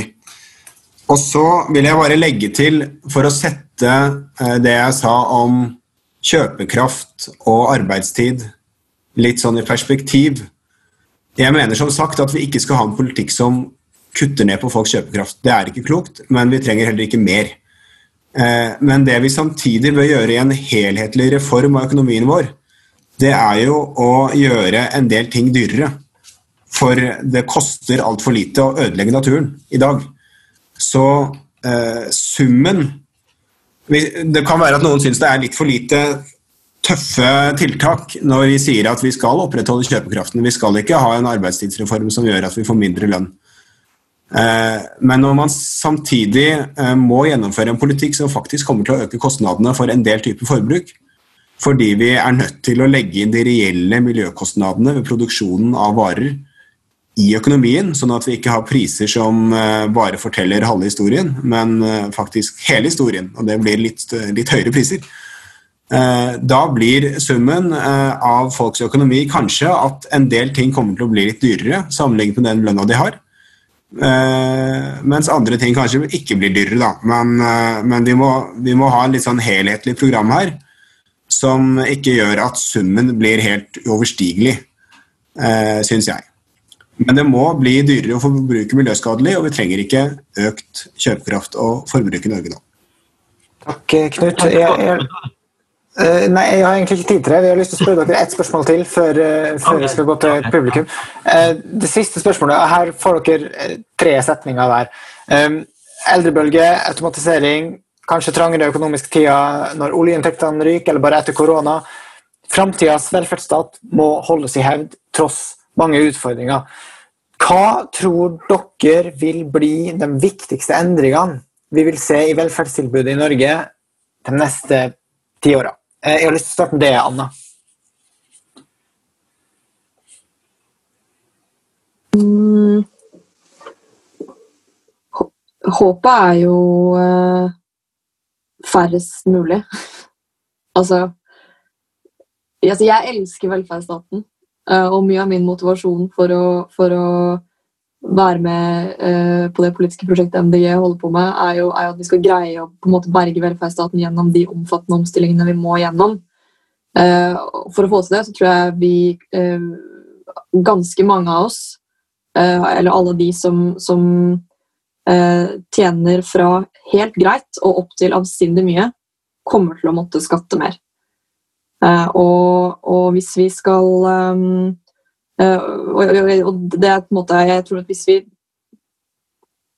gjør det, og samtidig også jobber for å greie å, skattlegge multinasjonale selskaper bedre enn det vi gjør i dag, og kanskje til og med også eh, innretter noen av ytelsene eh, i Nav på en måte som fjerner noe av det byråkratiet som, som eh, må til for å utløse det folk eh, eh, har rettigheter på, så kanskje kan vi greie å dra det hele i land.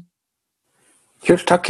Ove, hvis du skal tenke litt høyt om ikke hvordan verden burde være, men hvordan du tror den kommer til å bli de neste 50 åra med norsk velferdsstat. Og da snakker vi også bare om Norge, for så vidt, selv om det, vi ikke bør gjøre det da. Men, men vi gjør det akkurat nå. ja, da, da, da, kan jeg si en ting. Jeg var forrige lørdag på Studentersamfunnet i Bergen og var invitert til å snakke om økologisk økonomi og lignende ting. Eh, sammen med en samfunnsøkonom fra Norges handelshøyskole. Og Samfunnsøkonomen fra Norges handelshøyskole sa at alle verdier kan regnes om i penger. og eh, så sa han til meg da direkte at hvis det budskapet du har skal bli akseptert av folk, så må du fortelle dem at det er lønnsomt å gjøre det du gjør. Så sier jeg det at det er ikke poenget. Det som er poenget her, det er at vi må bruke andre verdier enn det som er lønnsomt i penger. Vi må si at Grunnen til at vi gjør endringer, det, det har mer med en etisk begrunnelse, det har en verdimessig begrunnelse. Altså, Den levende natur kan ikke regnes om i penger, så det går ikke an å få det inn i priser at relasjoner mellom livsenheter i et økosystem brytes ned. Du kan maksimalt sette en pris på enheter på objekter som du har i et supermarked. Altså en, en, en, eh, en gulrot, eh, ja, Fysiske ting i naturen kan ha en pris, men relasjoner, samspillet mellom ting, kan ikke ha en pris. Og når vi oppfører oss på en sånn måte at dette samspillet bryter sammen Det gjelder for så vidt også i menneskelivet. Når vi bryter sammen ensomhet er et eksempel på det.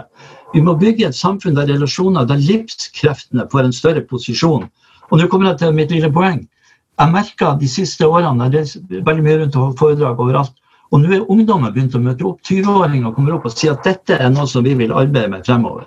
De er ikke så forferdelig interessert i at det, den eneste motivasjonen for å gjøre noe miljøriktig er at vi lønner seg. Skjønner ikke poenget. De sier dette er noe som vi er forplikta til overfor fremtida og overfor oss sjøl. Og det verste av alt, de sier det blir et bedre liv, et mer meningsfullt liv av det. Så eh, jeg er kjempeoptimist. Jeg tror det her kommer til å gå riktig så bra. Men jeg tror ikke Norge nødvendigvis er de som går foran. Jeg tror vi kommer litt spurtende bak. Og en av grunnene er jo at vi har det veldig godt her. Det er vi jo enige om alle sammen. Vi har jo et fantastisk system. Så det er jo ikke å vente at vi blir veldig motivert for disse store the great transition som de snakker om i andre deler av verden. Jeg har vært invitert til sånne webseminarer i India og Sør-Amerika der de sier at jeg vet ikke hvordan de har funnet de her bøkene, men de sier i hvert fall at de tankene som vi har utvikla her, de passer veldig godt inn i Brasils jungel og i indiske småbruk. Forstå det den som kan. Men jeg tror det er noe universelt her, noe globalt. Mange tenker på samme måte nå. Vi må gjøre noe. Og det er altså ungdom som sier vi går foran. Vi tenker faktisk på fremtida. Så det var et optimisme der. Det var bra. Eh, Knut, er du like optimist? Neste 50 åra i velferdsstaten, blir det endringer? Jeg eh, håper også at vi klarer å ta vare på den, og at disse her skremselspropagandaen eh, til eh, Erna Solberg og Siv Jensen om at i fremtiden så blir det dårligere velferd og alle må jobbe mer, punktum. Det tror jeg nok at vi skal klare å unngå. Eh, Bl.a. ved litt mer skatt, og bl.a. Eh, kanskje mye mer skatt på en del miljøskadelige aktiviteter som vi kan bruke til å finansiere en trygg og god velferdsstat som tar enda bedre vare på de svakeste. Eh, og så har jeg noen sånn litt, litt, andre poenger, og det er at jeg håper jo at vi klarer å ha en minst like god velferdsstat samtidig som vi klarer å forebygge behovet. Eh, redusere behovet for en del velferdstjenester gjennom forebygging. Der er det mye samspill mellom grønn politikk, eh, eller mye gevinster av grønn politikk. F.eks. så kan kortere arbeidstid redusere sykefravær og langtidssykemelding og tidlig pensjon og trygd og alt mulig rart. Eh, vi kan få mindre helseproblemer ved å ha bedre byer, sykle mer, spise litt sunnere. Og kanskje kan kortere arbeidstid også gjøre at man får mer tid til hverandre, og at vi får et, eh, et samfunn der enda, en enda større andel da, av livene våre leves i de aller beste relasjonene, som er de private og de frivillige relasjonene. Og kanskje ikke i offentlig sektor, og heller ikke i kommersiell sektor. Dette er litt sånn høytsvevende, men jeg mener at jeg håper vi får en utvikling hvor velferdsstaten forblir minst like sterk, helst sterkere, men hvor vi samtidig ikke eh, må vi samtidig klare å dyrke liksom den tredje sektoren, som er privatlivet vårt, og de sosiale relasjonene, og de eh, som vi bygger på andre vis, da, enten det er familie eller venner. Eh, Sissel, du skal få siste ordet her. Hvilke endringer i velferdstilbudet er det Fagforbundet eventuelt forbereder seg på? ja, Hvis jeg først bare kan eh, svare til til han Knut som inviterer oss til å si noe om programmet, så, eh, så tenker jeg at dere kan kanskje ta litt mer inn om fagbevegelsen sin betydning. Og da også i forhold til det Ove var inne på, det er å lytte til folk, lytte til arbeidstakerne. At det blir enda tydeligere. For vi jobber jo med eh, en tillitsreform. altså Vi har tro på at eh, vi har kloke mennesker, de ansatte eh, må få større tillit til at de faktisk kan gjøre de kloke faglige vurderingene. Eh, og ett tiltak er jo gjerne støtte oss i å øke fagforeningsfradraget, sånn at enda flere velger å være i dette fellesskapet og ser seg råd til det. Eh, når det gjelder eh, velferdstilbudet fremover, eh, så tenker jeg at det må vi bare fortsette å styrke eh, de neste årene. Og eh, vi har vel regna litt på det òg i forhold til det her med økt skatt. For det er klart at vi vil kunne være nødt til å øke skatten. Kanskje ikke det trenger å være den voldsomme økningen, men vi har innsett at vi nok må også øke skatt. Og så er det noe med at vi er i en digitalisering, automatisering. Men samtidig tenker vi at vi må se på det som en fordel. Altså det, det, er ikke mange år siden vi sto i lange køer utenfor postkontoret med, med selvangivelsen, eller vi måtte ha folk som var utdannet til å ta seg av jobbe på reisebyrå for å kunne bestille reisene til oss. Så vi tenker vi har jo i, i all tid vært i stor omstilling. Eh, det har vært yrker som har forsvunnet, det har vært eh, bransjer som har blitt borte. Men de har blitt erstatta av flere og andre. Så, så, har vi jo en befolkning som er veldig dyktig på omstilling. Vi har vel eh, sånn rundt regna 500 000 norske arbeidstakere som hvert år står i en slags omstilling. Så vi tror jo at vi skal klare å tilpasse oss både de fordelene ved at, at vi blir mer digitale, og også at Eh, at vi eh, får omstilt eh, slik at de arbeidsplasser som forsvinner, blir erstatta med altså Der vi, vi, får folk til å, å, ta utdanning og ta seg jobb i de bransjene der vi trenger. Og så tenker vi òg at det vil jo fortsatt være behov for et rettsvesen, et politi, forhåpentligvis enda tilbake til et nærpoliti som faktisk sørger for å trygge og forebygge. Vi vil jo ha bosetting i hele landet fortsatt. Eh, det vil fødes barn kanskje ekstra mye, eh, at vi får en økning nå etter den krisa vi står i nå. Men vi tenker at vi trenger å bygge helsevesenet, skole, kultur. Vi trenger rent vann. Vi trenger noen som tar seg av kloakken og veiene våre. Så, så jeg tenker at det som blir viktig, er at vi i hvert fall ser at det her er langsiktig eh, arbeid som gjør at vi må bort fra markedstenkning og heller bygge mer og mer på tillit. Altså rett og slett, Noen kaller det tillitsløft, og noen kaller det tillitsreform. Men vi har tro på at uh, vi nettopp får til god kvalitet og bedre ressursutnyttelse hvis vi har tro på den fagligheten uh, til de ansatte. Uh, så tenker jeg også at vi, vi må i fremtida få en større bevissthet. Vi jobber nå med å legge planer for hvordan vi i mye større grad kan få klima og miljø til å bli viktig og aktuelt på arbeidsplasser. Nå organiserer vi jo eh, veldig stor andel av de ulike yrkene, særlig i kommunal sektor, men, men, i flere sektorer. Og vi tenker det, vi må jobbe for en bevisstgjøring av både politikere, ledere, ansatte i eh, hvordan Eh, F.eks. investeringer, innkjøp, yrkesutøvelse og organisering av tjenesten påvirker nettopp klima og miljø. Der er vi bare nødt til å ha det høyt på agenda eh, fremover. Og Da tenker vi at det kan være smart å starte på arbeidsplassen og ha et bevisst forhold til det. Jobbe gjennom HMS-gruppe, men sørge for at trepartssamarbeidet eh, nettopp setter fokus på det. Så skal vi sørge for at både eh, Eh, både gjennom samarbeid med andre organisasjoner, eh, men også eh, gjennom den kompetansehevinga vi bidrar til, skal vi sørge for at klima og miljø må være høyt på dagsordenen. Og vi må bidra til, vi skal skape veiledere også, som gjør at folk ser hvordan de sjøl kan bidra. Hver enkelt av oss kan bidra eh, i nettopp dette arbeidet. Og da tror vi at det å satse på eh, det her fokuset ute på arbeidsplassene er et godt tiltak. da. Det høres jo veldig bra ut. Strålende. Tusen hjertelig takk. Eh, da skal jeg ta noen spørsmål fra publikum. Jeg vi starter med et spørsmål fra Lars, som spør Dagens velferdsstat henter inn ca. 250 milliarder fra Statens pensjonsfond. og Dette øker nå i koronatida. Under den økonomiske krisa i 2008 så var uttaket en femtedel av det som vi har tatt ut nå. da. Eh, og så kommer spørsmålet. Betyr ikke dette at velferdsstaten er veldig skjør? Eh, og så spør han kan borgerlønn bli brukt som en saneringsløsning for å redusere ytelser fra Nav når smellen kommer. Eh, det her går til panelet, så eh, her er det bare å rekke opp hånda. Noen som har lyst til å ta den? På strak arm. Anna. Um, hvis vi da igjen uh, snakker om full borgerlønn, som jeg antar at er eh, premiss for spørsmålet her. For det er vanskelig å se for seg at borgerlønn skal kunne erstatte eh, store deler av, eller alle de ytelsene som velferdsstaten gir i dag. Eh, hvis det ikke er snakk om full borgerlønn. Så jeg, antar at det er det det er snakk om.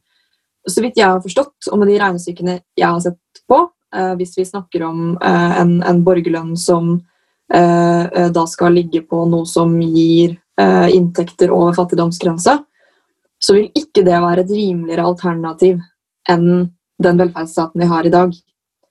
Eh, en, en, borgerlønn som skal gis flatt til alle innbyggere over 18 år, og være til å leve av, eh, som den må være hvis den skal kunne erstatte alle eller store deler av velferdsstatens ytelser, vil gi utgifter sånn helt grovt sagt opp mot eh, hvert fall 900 milliarder kroner.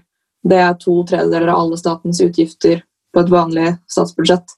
Det er ingen grunn til å tro at det er billigere med full borgerlønn enn full velferdsstat. tror jeg er det korteste svaret på det spørsmålet.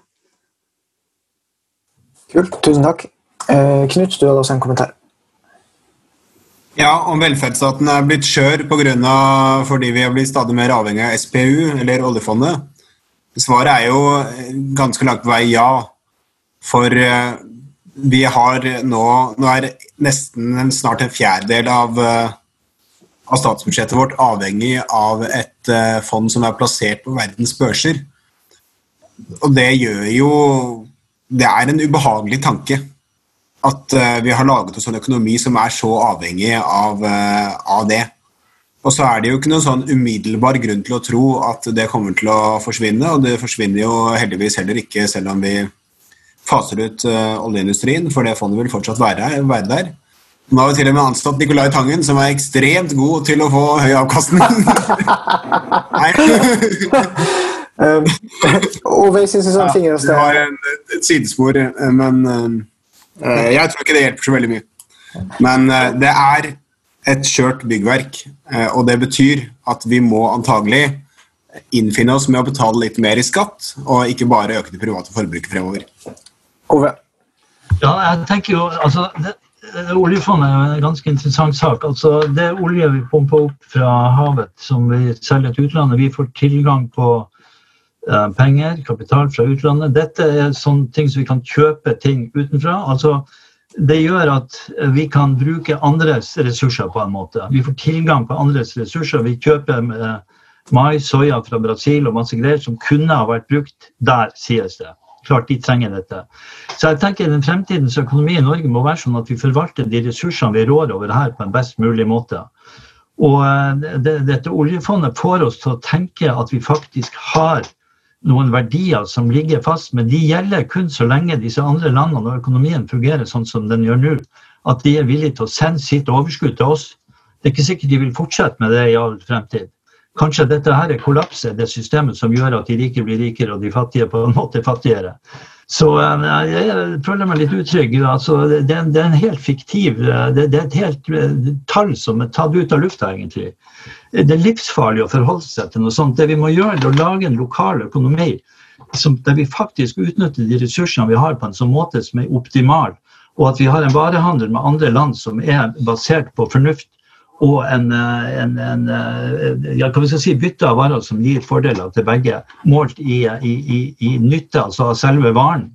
Sånn som det er nå med, med, børser og, og, og, finansøkonomi, så vet vi jo at over 90% av, varer, av handelen i verden er med handel med penger og ikke med ressurser.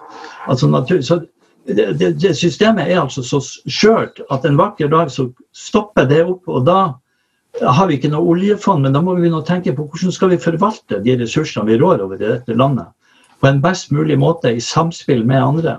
Og da en samarbeidsøkonomi, nettverksbasert, desentralisert, det som er løsninga. De gigantbedriftene vi har nå. Bandava Shiva skriver om situasjonen i India. ikke sant? Vi har uh, tvunget gjennom uh, handelsregler i WTO og andre steder internasjonale organisasjoner som går ut på at vi skal ha like betingelser. Så sier han da Shiva at når disse gigantiske bedriftene fra Vesten kommer og konkurrerer på like betingelser med småbønder i India Du skal ikke ha god fantasi for å skjønne hvem som får seirende ut av konkurransen. Vi har altså lagd et system som resten av verden ikke syns er særlig bra. De fattige, vel å merke. De som tjener penger på de andre land, de er sikkert eh, godt fornøyd. Men jeg tipper at det kommer til å, eh, det kommer til å komme en reaksjon mot den eh, type økonomi som har vart i ca. 200 år. Og, og den, den, den, turbovarianten vi har nå, har kanskje vart i 50 år, 40 år. Mens den økologiske økonomi kommer fra Aristoteles, som sier at utfordringa for økonomien er å forvalte ressurser til menneskets beste. Krematistikk det er pengeformering, og det sier han det bør vi ha minst mulig av. I dag har det tatt totalt dominans, og mange oppfatter jo økonomi som handel med penger. Så vi er kommet helt på ville veier. Hei, Camilla. Ja, takk skal du ha, eh, eh, Ove. Eh, et spørsmål til. Dette går til Sissel. Det er fra en som heter Odin. Eh, Fagforbundet sier at de ikke er bekymra for at det skal være for få jobber i framtida. Men hvordan forholder Fagforbundet seg til at eh, terskelen inn i arbeidslivet øker i takt med den teknologiske utviklinga? At en stadig større andel av jobber krever kanskje høy utdannelse eller, eh, og eller stor emosjonell kompetanse? Og samtidig at det er flere unge ufaglærte som, som, kanskje faller utfor. Eh, hvilke virkemidler eh, tenker dere vi bør ha for å liksom møte eh, det problemet? Eh, et nærliggende eksempel er jo kass, altså kassajobbene på dagligvarebutikkene som nå har blitt erstatta av sånne datamaskiner som vi trykker på sjøl. Så, så, det skal ikke så mye fantasi til for å se for seg at det kanskje blir vanskeligere å, å, å komme inn i arbeidslivet. Da. Hva tenker du, Sissel? Ja, eh, jeg tenker jo at vi må klare å snu den utviklinga om at du nødvendigvis må ha mastergrad eller høgskoleutdanning, universitetsutdanning. Jeg er sjøl sykepleier. Og jeg tenker at det er en styrt utvikling som ikke er bra. At f.eks. du må ha sykepleierutdanning som, for, for, å utføre det meste av jobbene i helsesektoren. Vi ser jo at sykepleiere bl.a. har gjort at helsefagarbeidere skvises ut. Og det har vi ikke råd til. Det er klart at Eh, vi ser jo at de med eh, helt uten utdanning eller ikke relevant utdanning, er gjerne dem som kanskje sliter. Men jeg tenker at her har vi òg et ansvar. Vi, i, I pleie- og omsorgssektoren så kan vi sitte igjen med til slutt at det er så mange som ikke velger helsefagarbeiderutdanning f.eks. For eksempel, eh, fordi at de ser at det er vanskelig å få, få hel stilling osv. Veldig stor andel jobber av særlig den gruppa fagarbeidere jobber deltidsstillinger og, og velger seg kanskje bort fra yrket. Da Da sitter vi altså igjen med de med assistenter, altså uten uh, formell kompetanse for det yrket og de høgskoleutdanna.